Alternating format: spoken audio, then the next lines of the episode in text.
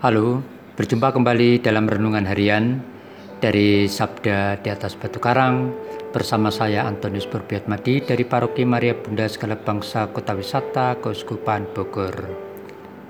Saudara-saudari yang terkasih, hari ini Kamis tanggal 30 September adalah hari biasa pekan ke-26. Hari ini gereja memperingati Santo Hieronymus, seorang pujangga gereja. Tema renungan kita hari ini dipanggil menjadi pekerja Tuhan yang terinspirasi dari bacaan kitab suci hari ini.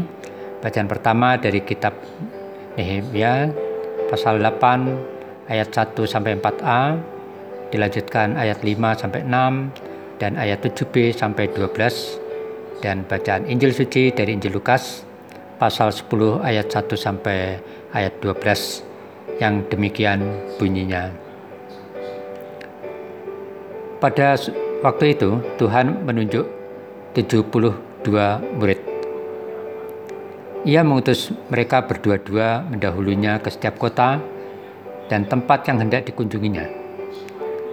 Berkatalah ia kepada mereka, tuayan banyak tetapi pekerjanya sedikit.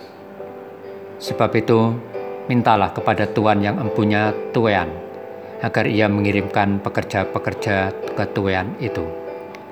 Pergilah, camkanlah, aku mengutus kalian seperti anak domba ke tengah-tengah serigala. Janganlah membawa bundi-bundi atau bekal atau kasut, dan janganlah memberi salam kepada siapa pun selama dalam perjalanan. Kalau memasuki suatu rumah, katakanlah lebih dahulu, damai sejahtera bagi rumah ini. Dan jika di situ ada orang yang layak menerima damai sejahtera, maka salammu itu akan tinggal padanya. Tetapi jika tidak, maka salammu kembali kepadamu. Tinggallah dalam rumah itu, makan dan minumlah apa yang diberikan ke orang kepadamu, sebab seorang pekerja patut mendapat upahnya. Janganlah berpindah-pindah rumah jika kalian masuk ke dalam sebuah kota dan diterima di situ, makanlah apa yang dihidangkan kepadamu, dan sembuhkanlah orang-orang sakit yang ada di situ. Dan katakanlah kepada mereka, kerajaan Allah sudah dekat padamu. Tetapi jika kalian masuk ke dalam sebuah kota dan tidak diterima di situ, pergilah ke jalan-jalan kota itu dan serukanlah juga debu kotamu yang melekat pada kaki kami, kami kebaskan di depanmu. Tetapi ketahuilah ini, kerajaan Allah sudah dekat. Aku berkata kepadamu, pada hari itu, Sodom akan lebih ringan tanggungannya daripada kota itu. Demikianlah Injil Tuhan. Terpujilah Kristus. Saudara-saudari yang terkasih, memang benar bahwa suatu pekerjaan yang banyak, apalagi yang berat, jika kita kerjakan bersama-sama, maka akan lebih ringan dan efektif. Dalam zaman sekarang, hal-hal yang besar, misalnya suatu hajatan, daripada kita kecapean misalnya, maka kini sudah bisa ditangani oleh profesional seperti event organizer.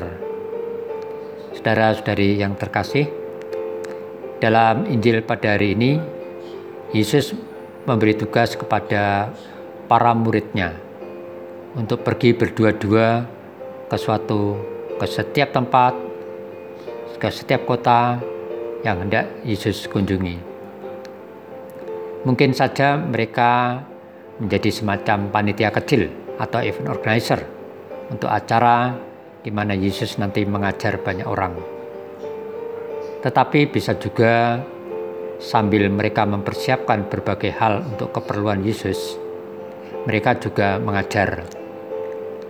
Karena mereka telah bersama Yesus menerima pengajarannya dan saatnya lah mereka berlatih menjalankan tugas perutusan dari Yesus.